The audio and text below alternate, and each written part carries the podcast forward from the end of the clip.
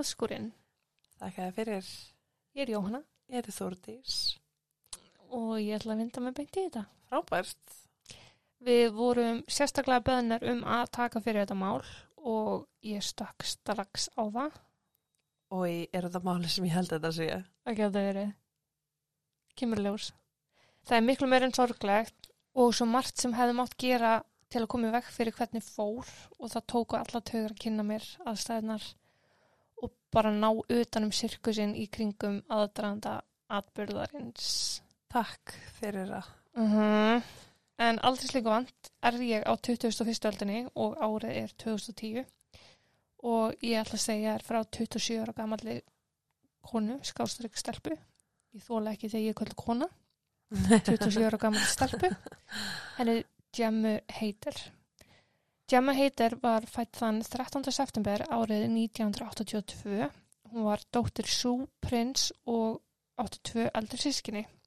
Pappi barnana hafði yfirgefið fjölskyldina þegar Gemma var mjög ung og var mammanar því ein að alupötni sín þrjú eða þar til að stjúpfæði barnana kom til sögunar. Hann fór aðna þegar hún var nýjára. Þannig að Mm. Ok. Gemma var alveg upp í rugby í Englandi og er líst sem ofbáslega ljúfuri og góðri sem unga barni. Hún vildi stanslust knúsast og kissast og var ábyrjandi kærleiksrík við allt og alla í kringu sig. Hún var þó mikill prakkari og sá til þess að mamma sín var með nóg að gera út daginn alla daga. Tengi fast. Ég, já.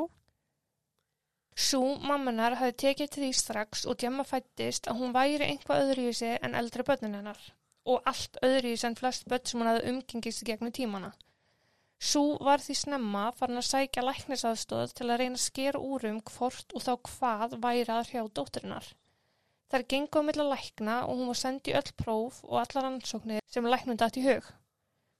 Ekkert virtist ama að Gemmu þó það bersinlega var eitthvað að. Hún tikkaði ekki öll bóks á ákveðnum heilkennum og sjúkdómum og því ekki hægt að greina hana með neitt sérstakt. Hún fjall bara milli greininga en stemdi ekki 100% við neina. Mm. Þannig hún, þetta var bara svona, ok, þetta getur verið þetta en samt trúlega ekki. Þetta getur verið þetta en að, samt ekki. Þannig að þeir bara höfðu ekki hugmynd. Höfðu ekki hugmynd en það var áberandi eitthvað á sko. Sumir læknar sögðu hann að vera á einhverju rófi og meðan aðrir sögðu það af og frá en sammældist samt allir um að hún væri klálega með einhverju meðfæta röskun en hvers konar röskun höfðu þeir ekki hugmyndum og því var hún lengi vel greiningulegs. Úf. Hún var þó að lokum sögðu vera með hægðunaröskun en einkenni svoleiðis röskunar eru meðal annars að missa oft stjórn á skapi sínu, rífast í fólki, augra fullornum og neita að fara til fyrirmælum ásamt því að vera hefningjart, auðvelt að reyðast og uppstökkur. Svo einhver janskun. Ég held að það er ekki við, sko. Ég held að áðan þegar þetta kom fyrst og ég var bara eitthvað. Ég held nærinn að halda andliti. Uh. En eins og með aðra greiningar þá tikkaði hún ekki öll bóksin sem áttu við hegðunaröskun heldur og því var svo greining svona fyrir eitthvað fljótandi og svo mammenar fannst þetta bara vera ákveðið svona koppátt eða þöggun í læknunum til að fá frið frá stanslausa að þeim þótti áreitinu frá svo. Uh. En hún var auðsjánlega eftir á í þroska, greinda vísistalanar var töluvert undir meðaltali og hún unir sér alls ekki vel í venjulegu skólakerfi. En þar sem hún var ekki með hennar greiningar þá þótti bæjarfélaginu engin ástæði til að kominni að í einhver sér úrræði. Það var nákvæmlega ekkert aðeins á blaði og því gekk hún í almennan grunnskóla fyrstu ár skólagöngu sinnar. Það gekk ekki vel en það gekk ekki heldur illa. Kennarar hennar sögðu hana bara vera að takast á við skólan og þetta gengi bara. En hún gæti ekki gert helmingin af því sem til var ætlast af jafnöldur mennar.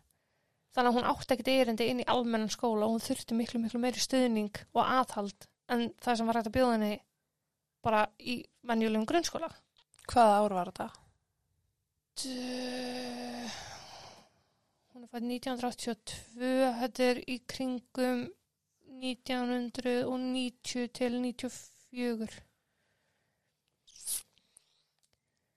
Ég bara, ég er að ránkóla augunum, sko. Já.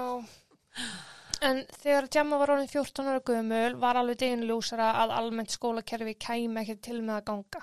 Henni leið ekki vel hún lendi því miður í miklu einaldi hún réð illa við skapið sitt í kjölfarið og átti bara hreinlega enga vini eða neitt til að reyða sig á. Þannig að þú veist, þú ert með einstakling sem er nú þegar viðkvæmur og hún er sett í aðstæðu þar sem er, hún er lögð í einaldi og þá auðvitað byggist upp ennþá mér í reyði og hennar skapræstur brjótast enn freka fram. Já. Hún var því færð loksins í skóla fyrir börn með sérþarfir þó hún væri ekki með henni eiginlega greiningu. En þar blómstráðun, hún hefði þetta var kljóst við sína raskanir og átti virkilega erfitt uppdráttur á mörgum sviðum en hún var þarna að eignast vinni, hún var með börnum sem voru með svipaða raskanir sem hún átti miklu betur við en krakkanir í almannaskólunum. Hún eignaðist bestu vinkunur sem hún söng með, dansaði með, hlustaði á Spice Girls með og var bara loksins á miklu betri stað en móður hennar hafði þórað að vona. Þó hún hafi haft það orðið betra á þessum tíma þá var hún samt mjög erfið heima við.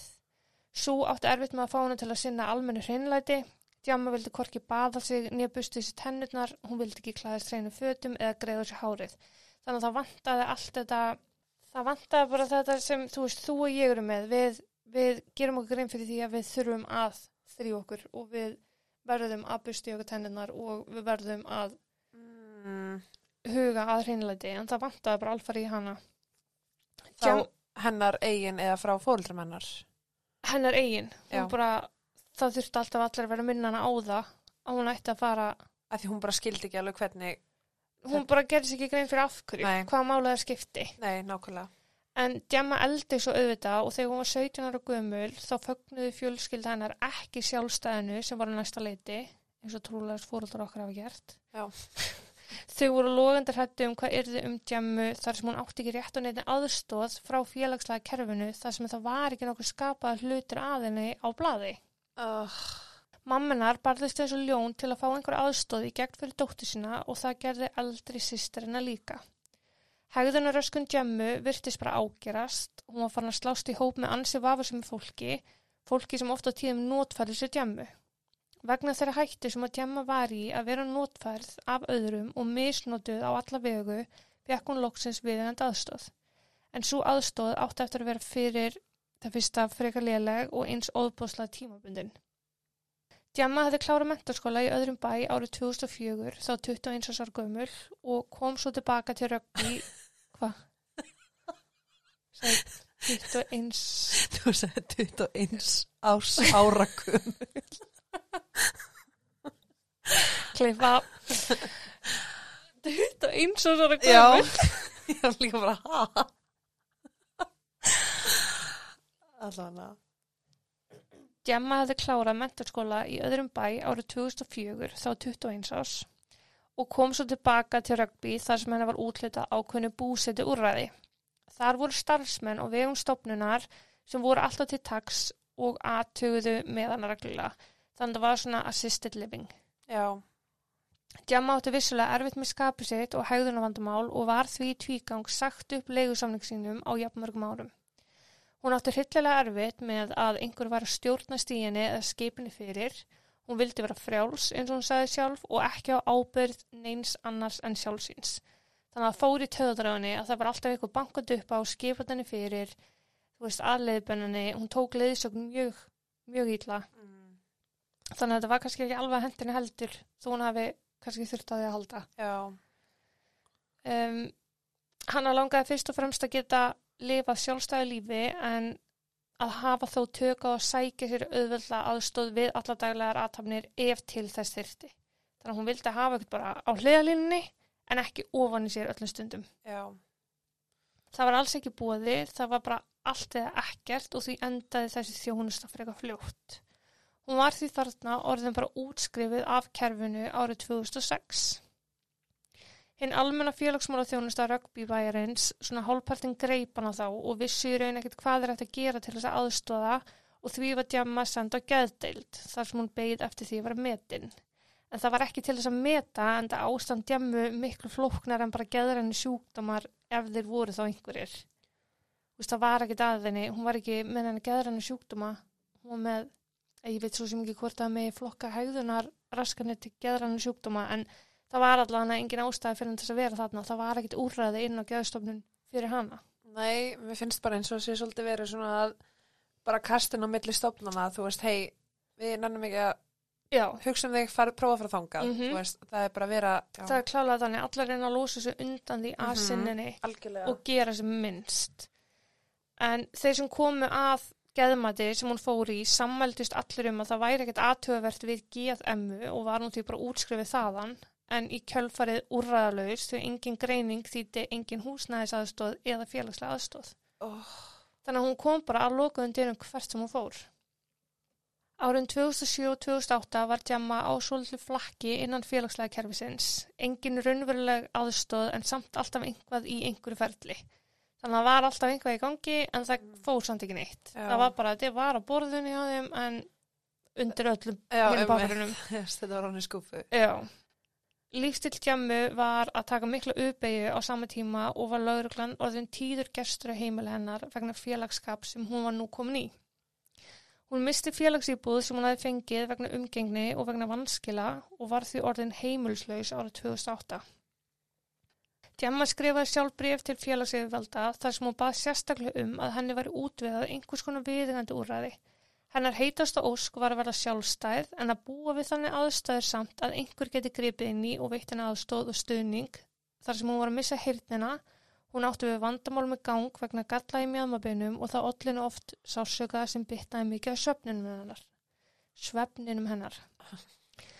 Hann langaði að búa bara, eins og ég sagði á hann, ein með einhvern til tags. Já, Blessunarlega eftir hún misti íbúðinu sína greip hann að þá styrtarfélag sem úthlutaði henni íbúð og sáu fyrir því að hún fengi við unnandi húsalöfubætur og fjárrákstöðning svo hún geti haldið íbúðinu sem hún var nú búin að fá. Þannig að hún var kannski að fá einhvern smá pening frá féló, eins og við myndum segja það, já, og svo kemur þetta styrtarfélag inn í sem að læta henni að fá íbúð, læta henni að fá pening til þess að borga leiguna. Og þá er henni þarf hún bara að sjá um sitt almenn uppehald. ok, Félagskapurinn sem hún var komin í samanstóð af einstaklingum sem voru taldir verulega barnalegir og ekki að þetta var eitthvað að þeim. Þetta voru bara krakkar sem að neituð að fullonast. já, Óþróskaðar einstaklingar og flest með einhvers konar afbrúta fyrir að baki sér. Öll áttu þau sammeðlegt að sjá að auðvelt væri fyrir þau að misnota sér djammu sem sagði bara já og amen við öllu sem var byðunum svo lengi sem hún fengi einhvers konar viðkenningu. Þetta voru þau 21 árs gamla Chantal Booth, kærastan hennar, hinn 17 ára gamli Daniel Newstead, 17 ára gamli Joe Boyer sem hefði búið í sömu blokk og Daniel og kærasta Joes hinn 18 ára gamla Jessica Linas. Og þannig erum við sko með 27 ára gamla konu sem er í félagskap með 21 árs 17 og 18 ára krakkum. já, einmitt. Það er alveg svolítið breytt stökkarn á millið þó svo að það sé þroskaskerring. Já, það er, já, En öllum þessum krökkum þótti mjög gaman að drekka bjór, haga sér mjög illa og stela fólki.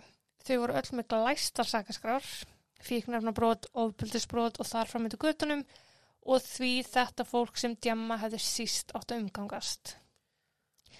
En frá þeim hlaut hún viðurkenningu og taldi sig vera vinkunni þeirra og því gerði hún nákvæmlega allt það sem þau báðan um. Hvort sem það var að hýsa þau, stela fyrir þau, geima fyrir þau fíknefni, Djamma sagði alltaf já við þessa nýju vinni sína. æ, Og í fyrstu þá var fjölskylda Djammu óbúslega ánæg með þessa Chantel sem var svo sem var hvað mest í samskiptu við Djammu frá upphafi. Chantel hafði komið ágætlega fyrir, henni virtist raunverulega vera mjög andum Djammu og því var fjölskyldan hennar fremur róleg þar til þau fóru að pikka upp alls konar merki þess að Djamma væri ekki hinskilin lengur við þau. Djamma var hægt að hleypa ættingum og vinum inn í íbúinu sína sem voru svona fyrstu aðverunummerkin. Hún vildi miklu frekar hitta þau utan dyrra og taldi fjölskyldan hennar það vera vegna þess að hún var meðal annars að fela fíknefni fyrir vinni sína. Þetta var bara svona þing á þessum tíma að þeir sem voru kannski svona vafasamari, bara voru að gera vafasamar hluti, þau fundi sér oft einstaklinga sem að voru minnumáttar og sannfæri þá um að geima fíknefni fyrir sig inn á heimilinu þeirra. Þannig að lauruglan geti ekki gert neitt þurfti ekki að aðhafast neitt í málum þeirra að því fíknefnum voru ekki inn á heimilinu þeirra. Já, ég skil. Djamma svaraði ekki símanum þegar styrtafélagi reyndi að hafa samband við hana varðandi að halda styrkjunum áfram og þegar var bankað upp á henni að hálfu styrtafélagsins og eins þeim sem að sá um húsi sem Djamma bjó í var alveg ljóst að hún var í löngu hægt að sinna heimilinu sínu og var frekar hægt að líka því við sorpu frekar en heimili. Gemma var á árunum 2009 til 2010 handtekinn í nokkuð skipti fyrir alls konar brot. Hún var sjálf að verða fyrir ofbeldi sem að lögurlega skipti sér líka að en það skipti ekki máli hversu oft styrtafélagi tjekka á henni. Lögurlega hafði aðskipta á henni eða þeir sem að sá um byggingunum sem hún bjói það klikkuði allir á því sama að tilkynna ástandi til viðingandi aðala svo Gemma geti fengið aðstofn sem hún þurfti. Þannig að þú veist það vissu allir af vandamálinu, það gerði engin neitt í því það var enginn að aðhafa sér neitt í þessu. Ég, bara, ég skil ekki, skil ekki af hverju ekki. Nei.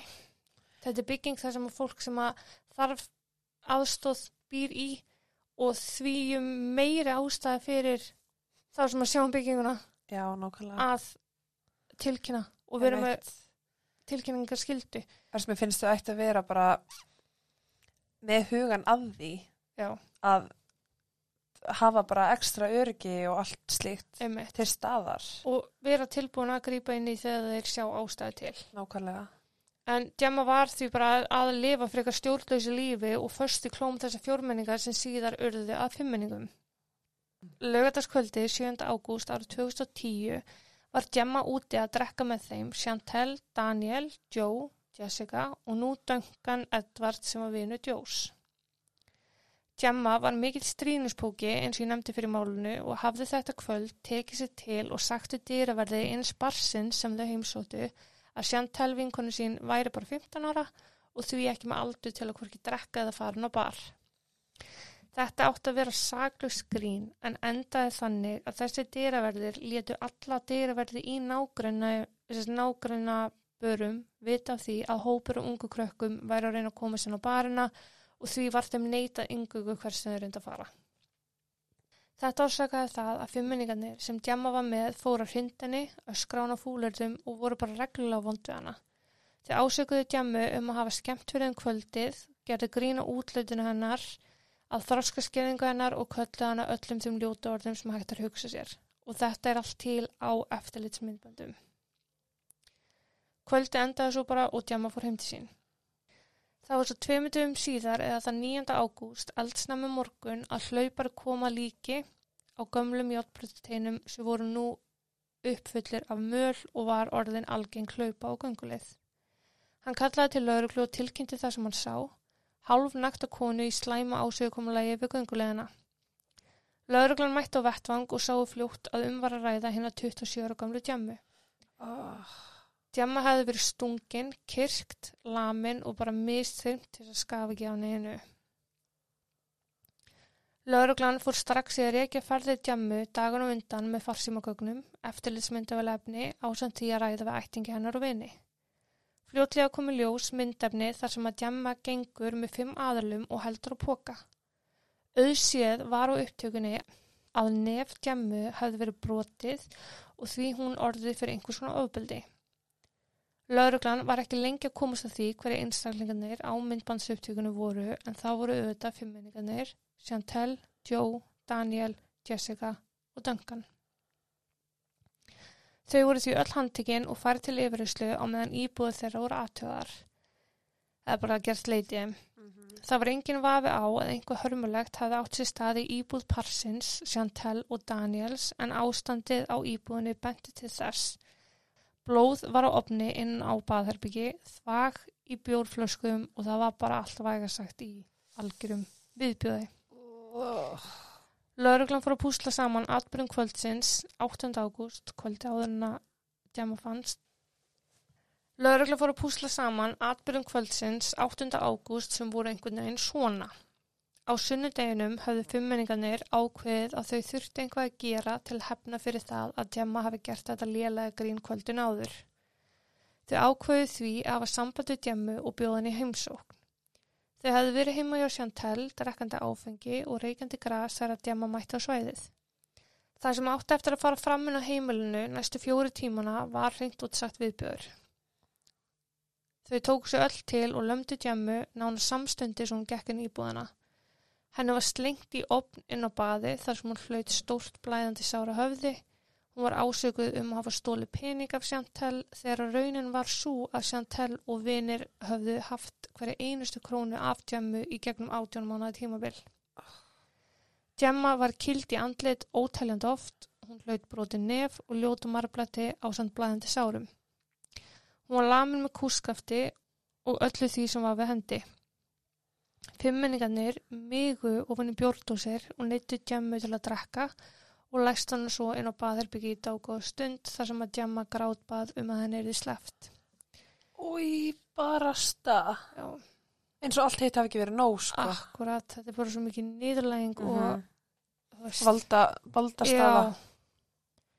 Þau skemmtu síman hennar og styrtu henni batteríunu svo að Djamma hefði engin tök og ringi eftir aðstóð þegar þau loksins sleftinu út af baðherbygginu. Rétt eftir miðnætti aðfara nótt 9. ágúst sjást fimmenningarnir á samt Djammu ganga í áttina að heimali Djammu. Enda hafði hún grátbyðið um að fá að fara heim til sín. Fimmenningarnir hafði talið henni trú um að henni er fyllt heim. Þau þrif hana áður en þau held að stað til að veki ekki aðtíla á sér. Það endaði því miður ekki svo. Þau neitt hana með sér að göngustígnum, komu pókautunum henni, stungan á margsenni sem er fremur bytlu sem hníf, svo skaðin hefur ekki verið mikill en hann hefur verið sálsökufullur. Mhm. Þau klætt hann úr öllum fötunum og kveikti í þeim á samt öðrum eignum djammu sem hún var með á sér.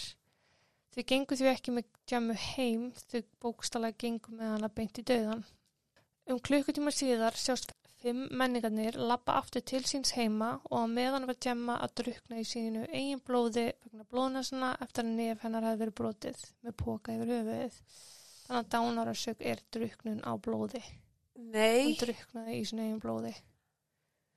Oh. Þetta er langur og umurlegur döðagur sko. Einmitt. Fimmenningarnir litu ekki út fyrir að hafa nokkru mínundum áður myrt þroskaskert á konu. Þau voru öll sjálfum sér lík á göngusinni heim og ekkert hefði getað gefið til kynna að þau hefði nýlokið sér við að myrða djammu. Þau fóru svo bara til síns heima, held áfram að drekka bjór og reykja gras og fóru svo bara að sofa. Morgunin eftir þegar að fjölmelar byrtu fregnir af því að lík hefði fundist hendi Jessica í status á Facebook þar sem hún skrifar Wants to know what happened on Hilly Road. Is it true they found a body? XX love my two babies loads og nöfn barnana XXX forever XX. En bæði Jessica og Chantel áttu börn sem höfðu verið tekin af þeim fyrir vannrækslu og annað en hérna er Jessica sem sé bara að reyna að dreifa aðteglinni frá sér vitandi vel hvað kom fyrir og hver sé svo segi í þessu verandi meðal annars hún sjálf. Oh my god. Fjölskyldadjemmu voru meir en miði sín, ekki bara við því að hafa mist djemmu á svona hróttalega máta, heldur höfðu síðustu mánir ekki verið fjölskyldinu auðveldir. Fáur höfðu átt góð samskipt við djemmu þar sem að erfitt hafði verið að leiðbana henni því hún tók einhvern sönsum. Lífið hennar snýrust um þessa nýju vini, Hún tók engum. sönsum, Ha? er ekki við það, er ég að bylla. tók hún engum sönsum. Já. Taka einhvern sönsum. Er þetta eitthvað sensa að taka afleggingum? Það menna það. Nei, bara það þýðir að hún hlustaði ekki að neitt. Það var ekki hægt að tjónka við hana. Ok. Áfranga. Áfranga. Lífið snerist um vini hennar sem að síðar áttu eftir að vera valdur af dauða hennar. Þá þótti þeim líka sárast að ekki bara að Gemma hafi verið myrt, heldur það að hún hafi verið myrt af þeir sem hún taldi verið svona bestu vini. Og að þau öll fimm hafi sammælst um að finnast þetta bara í lægi og ætlaði að reyna að hilma yfir hvort öðru þótt fjölskyldinni helviti sárt. Þau hefðu séð fyrir sér að minnst okkusti einn kæmi fram og segði frá en enginn annan gerði það. Þannig að þau voru bara svona okkur þeir fimm. Já. Er enginn að koma samanskupið. Einmitt. Chantel, Joe og Daniel voru öll ákjærð fyrir mörder eða mandráp að- með ásetning, getur það fyrir. Mhm. En Jessica og Duncan voru ákjærð fyrir mandráp af Garlosi. Eða bara morð og mandráp. Veist, þetta er bara skalaða kerfið. Já. Þau eru með endalösa tegundir á morði. Chantel Joe og Daniel voru ákjærallanir fyrir bara efstastegmóls og Jessica Duncan Sérst Fyrir mál neðan. og ásettur á því. Já, í rauninni. En þau voru öll ákærið fyrir grófa líkamsárás. Við réttarhöldin var farið yfir alla atbyrðurásina, sagt var frá því hvernig fimmmenningarnir höfðu lokkað djemmu til sín, ráðist á hana og mistþrymt henni tímunum saman og svo lokkað hana aftur út með því loforði að henni er þið fyllt heim. Djemma var með mikla þroskaskerðingu og trúði henni allra besta upp á vinni sína og hjælt raunverulega að þau væri að fylginni heim þegar þau voru að lappa með hana til þess að drepa hana. Fimmmenningarnir neytu ekki bara fyrir glæpina sem þau voru ákærð fyrir, heldur sátu þau sendandi skrifleg skilabóða milli, hlóu og gerðu grín og meðan réttarhaldunum stóð. Engin eftir sjá, engin yðurun, bara fjöra gaman eins og þau gerðu sér bara ekki fyllilega grín fyrir alvarleika málsins. Eða þau voru bara siðblind. Já, trúlegast hefur það verið eitthvað svoleiðis, þó að það hafi, þú veist, gerand mat bent ekki til neins nema bara að þau sá ekki eftir neinu. um, en ég fíla breska dómara í tætlur en mér finnst að í öllum bresku málum sem ég hef tekið fyrir þá tekur dómarinn sér tíma til að bara hreinlega drulla yfir sagborningana og þessi dómar er engin undatekning á og let hún fimmenningana heyra það. Hún byrjaði á því að segjast hafa engin orð til að lýsa hversu grimmir glæpið þeirra voru hún sagðist ekki ná utanum hversu látt þau geta alveg öll lagst og sagði djemmu hafa allt þau grunlaus um hvað koma skildi eins og hamingjusamur hundur að alltaf eigandi sína. Var gengið með hana beint í döðan. Oh. Hún sagði frá því að hún hefði lokað augunum þegar myndbandi af því var sínt þegar sest, er, þegar þau eru að labba með hana. Já, það myndband var sínt í dómsal. Og dómarinn gata ekki hort á myndbandi til að enda að því hún, bara henni fann svo sárt að fylgjast með djammu svona grunlausir um hvað var að fara að gerast. Æ, og ég er bara hjartanlega sammála hún lappa bara eins og ekkert sé og er bara þú veist að fara heim. En hún segir over the years you treated Gemma Hader like a toy to be picked up and put down dependent I suspect on whether there was a gap in your miserable life which she could fill. Og er bara þar að vísi bara notu hann að þið ykkur hendaði þú veist þið síndu samkend þegar það hendaði ykkur þið voru vond að hendaði ykkur já, nákvæmlega. Dómarinn notaði svo tækifærið og bjóti fordæmi. Fordæmi þess að á svona glæpum væri tekið mun harðar á en vanin var fram að þessu. En þetta flokkast undir mate killing eða bara þegar vinir drepa vinir sína. Mm. En Chantal fekk 21 ár, Daniel fekk 20 ár, Joe fekk 16 ár, Jessica fekk 13 ár dóm og Duncan fekk 15 ár dóm. Strákanir voru bara allsælu með þetta. Þeir hlökkuðu bara til að komast í fangilsið og bara geta spila Xbox allan daginn, borða góða mat og chillað. Það var frýtt. Já, erfiður unnveruleiki sem hefur byggðið þeirra að að fangilsi er ekki að chilla horfa Xbox. Nei, spila Xbox. Já, sem er bara geggja að þeir skulle hafa haldið það. Já, það er bara ágætt leksið fyrir þá. Já, þegar bara kaldur unnveruleikin byggðið þeirra. Það þótti nokkuð ljóst að einhvað klikkað ég, að einhvað klikkaði í kerfinu og var rannsóknunum tekin saman til að fara yfir mál djemmu frá því hún var bann og fram að andlátt hennar. Bara fara yfir allt saman frá A til Ö og úr því var búin til 63 blaði sína löng skýsla um hvað fór úr skeis. já, sæll. Þar kom fram á svartu hvítu að fleiri fleiri aðilar höfðu brúður stjemmu. Félagsmálastofnun Rugby brástinni með því að fylgja aldrei neinu eftir eins og þeim bara skilda til. Þetta er ekki einhver örfáskipti, þetta eru taugir skipta þar sem þeir átti að fylgja atbyrjum eftir og gerða aldrei. Emmett. Lauruglan sem að tilkynnti aldrei aðstöði djammu þó þeir höfðu verið orðni fastagestar heima á henni. Lauruglan hafði afskipta af henni í tugi skipta síðustu tvö árum fyrir morðið. Þeir sem að sá um húsnæði djammu þeim bara líka skilda að tilkynna aðstæðunar en enginn þar aðtafnaði sig frekar en aðrir. Og þetta á ekki bara við um þessi örfa ár fyrir morðin, þetta á við um frá upphafi. Fyrsti feillin var í raun 2001 eða nýju árum áður þar að fjölskylda djemmu reyndi að fá gegn að henni yrði útveðað einhvers konar úrræði sem hún getur lifað sem eðlegasta lífi en þá með kosta aðstóð ef þyrti eins og ég búin að nefna svo oft í kennum málið.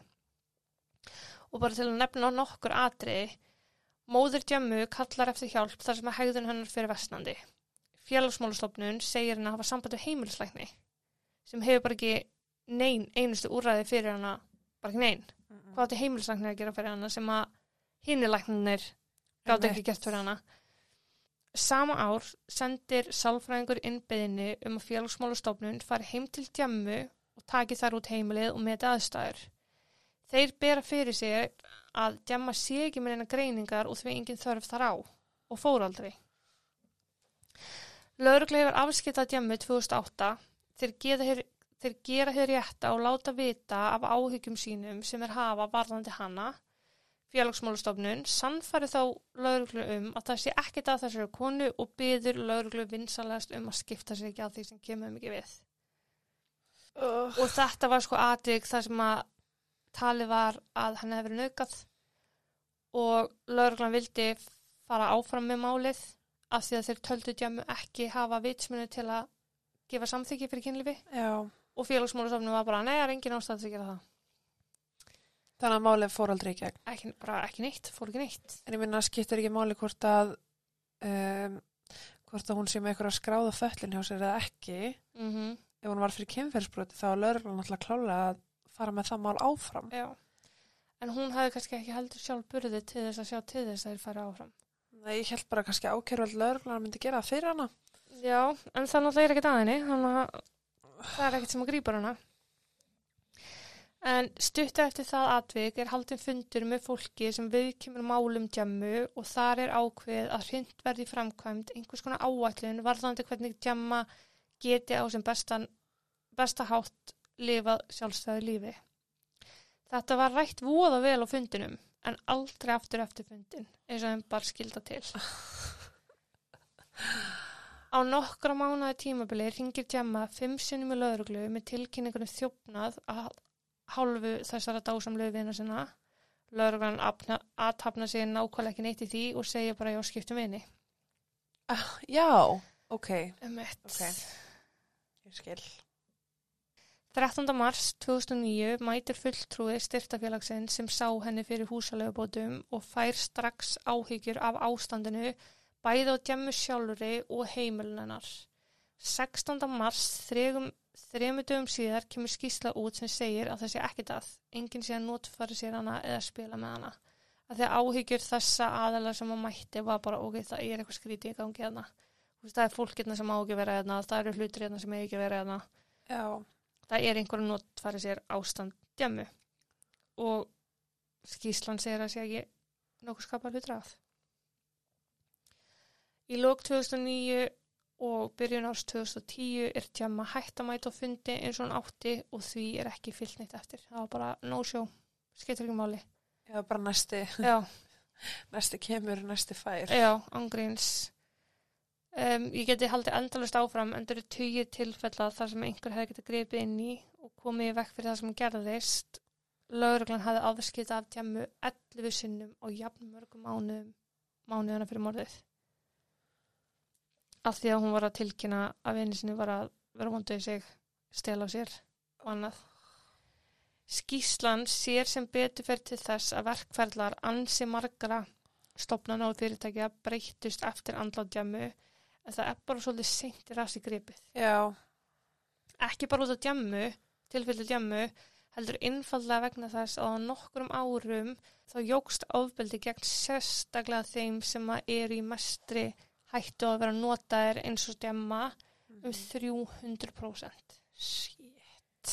Það sem að þeir sem að voru með einhvers konar raskanir þólska skjæringar og hvað eina að þeir voru notaðir í eins og ég sagði hýsa fíknefni, hýsa dópista, hýsa vilsinga og notaðir í að stela það var margóð það sem að djamma var notið í að fara inn í búður að stela fyrir þau. Og ég eitt skiti hitti frængunar hana og spurði hana bara "Hvers- hvað ert að gera, ég sá að þú varst að stela hana Mm. og hún bara, þetta eru vinnu mínir. Ég ger allt fyrir vinnu mína. Bara þetta er ekki vinninir ef að þið láta þið gera svona hluti. Hún bara, jú þeir segja að þeir séu vinnu mínir. Og það var bara nóg fyrir hana til hún bara, henni var bara stjórnað með því að sannfarn um að, að hún ætti vini og það er svo viðbjóðsleg hegðun að hálfu þessari fimmmenninga og margra annara sem að misnóta sem misnótu aðstæðar hennar í gegnum all árin því hún átti fullt af vinur sem að koma og fóru og tóku það sem þau vantaði og, og höfðu af henni pening og annað. Mér finnst bara svo glatað að það hafi aldrei verið neitt sem að greipa hana því að það var ekki akkurat eitthvað eitt að. Hún var á endanum sögðu verið okkur einhverju rófi en það var bara ekki nóg Nei, hún var ekki nógu það var ekki nógu mikið að henni til að, nei, mitt. Þú veist, og hver, hversu mikið þarf að vera, eða fattar þú, já nákvæmlega. Hvar liggja mörg líka mörkun Já. á því að þú getur sótt aðstöð, af hverju ætti ekki bara, þú veist, fyrsti vandin bara ef þú er bara, ef það er eitthvað Já. að hrjá þig, að þátt að fá viðandi aðstöð, saman hvort það sé formi sjálfræði þjónustu eða þá frá já, félagsmálastofnunum, varandi íbúrhúsnaði og annars slíkt. og líka bara, þú veist, þarna svo sem þú veist, þetta er orðið langt síðan og kannski ekki ekki sem aðstæður, þú veist, augljóslega ekki sem aðstæður og er í dag, en í dag eru svo flott úrræði um búsetukjarna og annað sem að Mhm. fólk hefur stuðning tiltaks ef þeim vantar en geta að öðru leiti lifa mjög sjálfstæði lífi. Já, Það var ekki búið fyrir hana. ég bara, ég spáði ekki einu svona í því að það væri bara í alvöru talað vera að notfæra sér Æ, ég þurftir að sína mig myndaðin á sama tíma. Guð með góður, ég geti grenjað sko. Það er bara, þú veist, Ég bara, þú veist, já. Það var stelpa sem að, þú sagði öllum að vera bara alltaf glaðir og, og lífsmóta allra ætti að vera góðu alla og þú veist, Og sá náttúrulega ekkert nema bara gott í þessu fólki Fyrir Sá- henni voru þetta bara Já. vinir Og hún var bara að hjálpa vinsinum Og skildi kannski ekki alveg hvað, þú veist Aflengar myndu koma í kjölfæra því sem hún var að gera alls ekki. Fyrir þú- vini sína. Hún tók bara öllum höggum. Þú veist, þegar lögreglan hann tók hana og hún bara, já, ekkert mál, ég er að gera þetta fyrir vinni mína. Já, En einmitt þú veist, þarna líka líka munurinn að hún gerir sér grein fyrir þegar fólk er vond við hana eins og þegar hún var í grunnskóla og fólk hlaði henni einaldi og gaf henni Já. enga viðurkenningu þá var hann bara, ok, þessi er vondur, ég vil ekki umgangast hennan. Já, En ef einhver var vond við hana og veitt henni viðurkenningu þá var það bara sama sem merkjum það að viðkomandi væri góð við hana. já, Og það var bara ekki hægt að tjónka við hana, hvað var það það? Það gæti enginn sannfært hana um annað en að þetta væri góðu vinir. oh. Þannig að, En ég meina eins og fóreldrar hennar voru Þau eitthvað að stiga inn í já, mammina reyndi hvað eftir annað að reyna aðstofa, það var ekkert, hún kom að loka um, hurðum allstar, þú veist, Djamma var bara við hana og leiðilega við hana skilu þegar hún reynda, þú veist, bara eins og maður, bara í mótþróa. Já, nákvæmlega, hún var náttúrulega bara með gífulega mótra á röskun þó hún hafi ekki verið grind með slíka. Nei, hún er alltaf orðin 27 ára og vill kannski eða heldur að hún eigi að lifa sjálfstæðu lífi Já. skilur og það var svolítið erfitt þegar fóreldrar eru að grípa inn í þegar hún skilur ekki alveg hvað, hvernig aðstæðurnar eru. Já, og líka sem fóreldur sko, þó að það sé eitthvað að börnunum þínum, þá, þá liggja, það eru skýrmörk bara þegar þau orðin x gömul, þá verður þú að stíga út úr hlutarki uppalanda og vera bara stuðningsnett. Já, Og það var kannski þar sem að mammina var svona tvístíðandi, vissi ekki hvort eða hvernig hún ætti að snúa sér í þessu. já, Og hún var kannski of ágeng og þá bakkaði djamma og þannig að það var honum bara vítarhingur. Það sem að djamma fekk enga aðstóð, þurfti samt aðstóð en það gæti ekki veitt inn aðstofana þú veist þetta er bara ömurlega sorglegt og þetta er vist bara hryllilega algengt í Breitlandi minna núna reyndar en það hefur verið en enga síður veist. Ég held að sé samt alveg algengt, þú veist, þessu hér líka að fá viðandi greiningu fyrir barnið þitt. Veist, það er margra ára já, og það er bara þvílíkt greiningaferli til dæmis eins og bara fyrir ADHD já og fyrir utan það hvað er viðbjóðslega dýrt pluss Að- það. sækja greiningu fyrir börn Þannig að það er kannski ekki alveg allara að Nei. sækja greiningu fyrir börnum sín. alls ekki, þannig að það liggur alveg ljóst fyrir að það er alveg fullt af fólki sem er það erfitt uppdráttar bara af því að það hefur ekki tökað að fá viðandi greiningu og viðandi lifjagjöf og viðandi, Mhm. þú veist, ráðgjöf og þjónusti Nákvæmlega. þannig að þetta er, þú veist, pottið eitthvað sem kemur alltaf til með að vera en þetta er samt alveg umulegt sko. Já, algjörlega. en þetta er ég hef ekki frekari við þetta að bæta frekari við þetta að bæta ég hef ekkert við þetta að bæta Oh. þetta virkar ekki oh. Nei, ég bara, já, ég finnst, mér finnst svo fyndið, nú erum við búin að taka hvað, 80 þætti mm cirka 100 mál vegna þess að sömu þættir inni heldur tvö mál. Já, Ég er alltaf jafn nexla á því hvað fólk er ógislegt. ángríns. En ég samt, þú veist, í hverjum einasta þætti er jafn nexluð, en ég, ég veit það samt alveg. Já, Ég áttum alveg á því. Það er bara við erum að fjalla um viðbjóð vikulega, maður er samt alltaf að hissa hvað fólk getur verið viðbjóðslegt. án gríns. Og líka bara hvað, hvað það liggja miklu gallar í kerfum, sko. Já, Við erum alltaf verið að fjalla um eitthvað það sem að lögurlan skeita upp á bak, það sem að lögmenn skeita upp á bak, það sem að félagsfjóðstan skeita upp á bak. Algjörlega, sko. En ég meina að svo á sama tíma eru líka mál þar sem að lauruglan vann bara geggjar starf. Satt. Þú veist að náða að upplýsa málið og kom bara mjög vel að því. Já, Þannig að þetta er ekkit, ég myndi ekkit segja þetta væri meira en minna nei, um það að lauruglan sé að skýta upp á bak. En þú veist, það kemur fyrir, það kemur fyrir öllum, öllum stjættum. Já, Bara eins 100%. með barnavendanemnd að grípa ekki inn í Já. félagsmáli yfirvöld, lauruglan, Mhm. all, allar þessar ríkisregnu stopnarnir. Já, þeir klikka. Og En ef einn klikkar, þá klikkar allt, Já, sko. og sjálfsagt líka mikið álag á þeim, sko. Maður á ekki að vera drull yfir. Nei, alls stofnanir. ekki, alls ekki, en, en það má auðvitað gaggrina það sem betur mætt fara. 100%. Þannig að ekki það að okkar gaggrinni komi eitthvað Ef þeir eru að hlusta. Þú vana Boris Johnson sér hlusta. Já, hann mætti breyta náttúrulega. en já, herru, ég er alltaf að segja þetta í dag. Já, Takk fyrir mig og takk og bless. takk og bless.